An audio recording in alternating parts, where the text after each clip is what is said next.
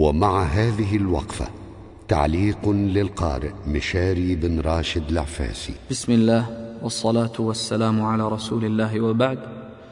ورد في قول الناظم رحمه الله تعالى صددت عن البيت الحرام وزوري المقام الشريف المصطفى أشرف الملا فالمقصود في زيارة المقام الشريف هنا هو زيارة المسجد النبوي الشريف والصلاة فيه وزيارة قبر النبي صلى الله عليه وسلم والسلام عليه.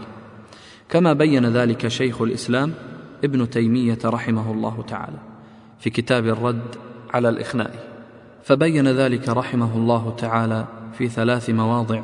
فقال لو قدر أنه ورد في زيارة قبره أحاديث صحيحة لكان المراد بها هو المراد بقول من قال من العلماء إنه يستحب زيارة قبره. ومرادهم بذلك السفر إلى مسجده وفي مسجده يسلم عليه ويصلى عليه ويدعى له ويثنى عليه. إلى أن قال فزيارة قبره بهذا المعنى من مواقع الإجماع لا من موارد النزاع. وفي موطن آخر قال رحمه الله تعالى فعلم أنهم قالوا يستحب السفر إلى زيارة قبره لكن مرادهم بذلك هو السفر إلى مسجده. إذ كان المصلون والزوار لا يصلون إلا إلى مسجده. لا يصل أحد إلى قبره ولا يدخل إلى حجرته. ولكن قد يقال هذا في الحقيقة ليس زيارة لقبره. ولهذا كره من كره من العلماء أن يقال زرت قبره ومنهم من لم يكره. والطائفتان متفقون على أنه لا يزار قبره كما تزار القبور. بل إنما يدخل إلى مسجده وفي موطن آخر قال رحمه الله تعالى كالسفر إلى زيارة قبر النبي صلى الله عليه وسلم. إذا سافر السفر المشروع فسافر إلى مسجده وصلى فيه وصلى عليه وسلم عليه ودعا وأثنى كما يحبه الله ورسوله فهذا سفر مشروع مستحب باتفاق المسلمين وليس فيه نزاع. فإن هذا لم يسافر لمجرد زيارة القبور بل للصلاة في المسجد.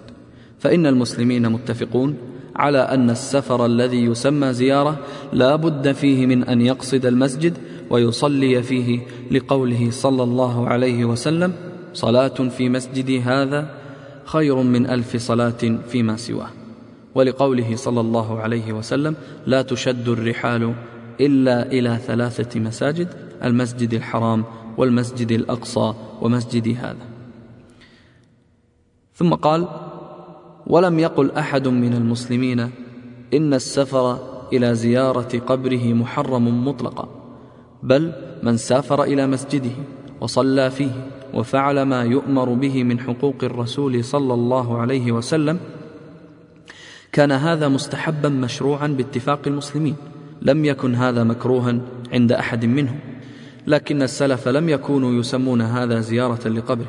وقد كره من كره من أئمة العلماء أن يقال زرت قبر النبي صلى الله عليه وسلم وآخرون يسمون هذا زيارة لقبره صلى الله عليه وسلم.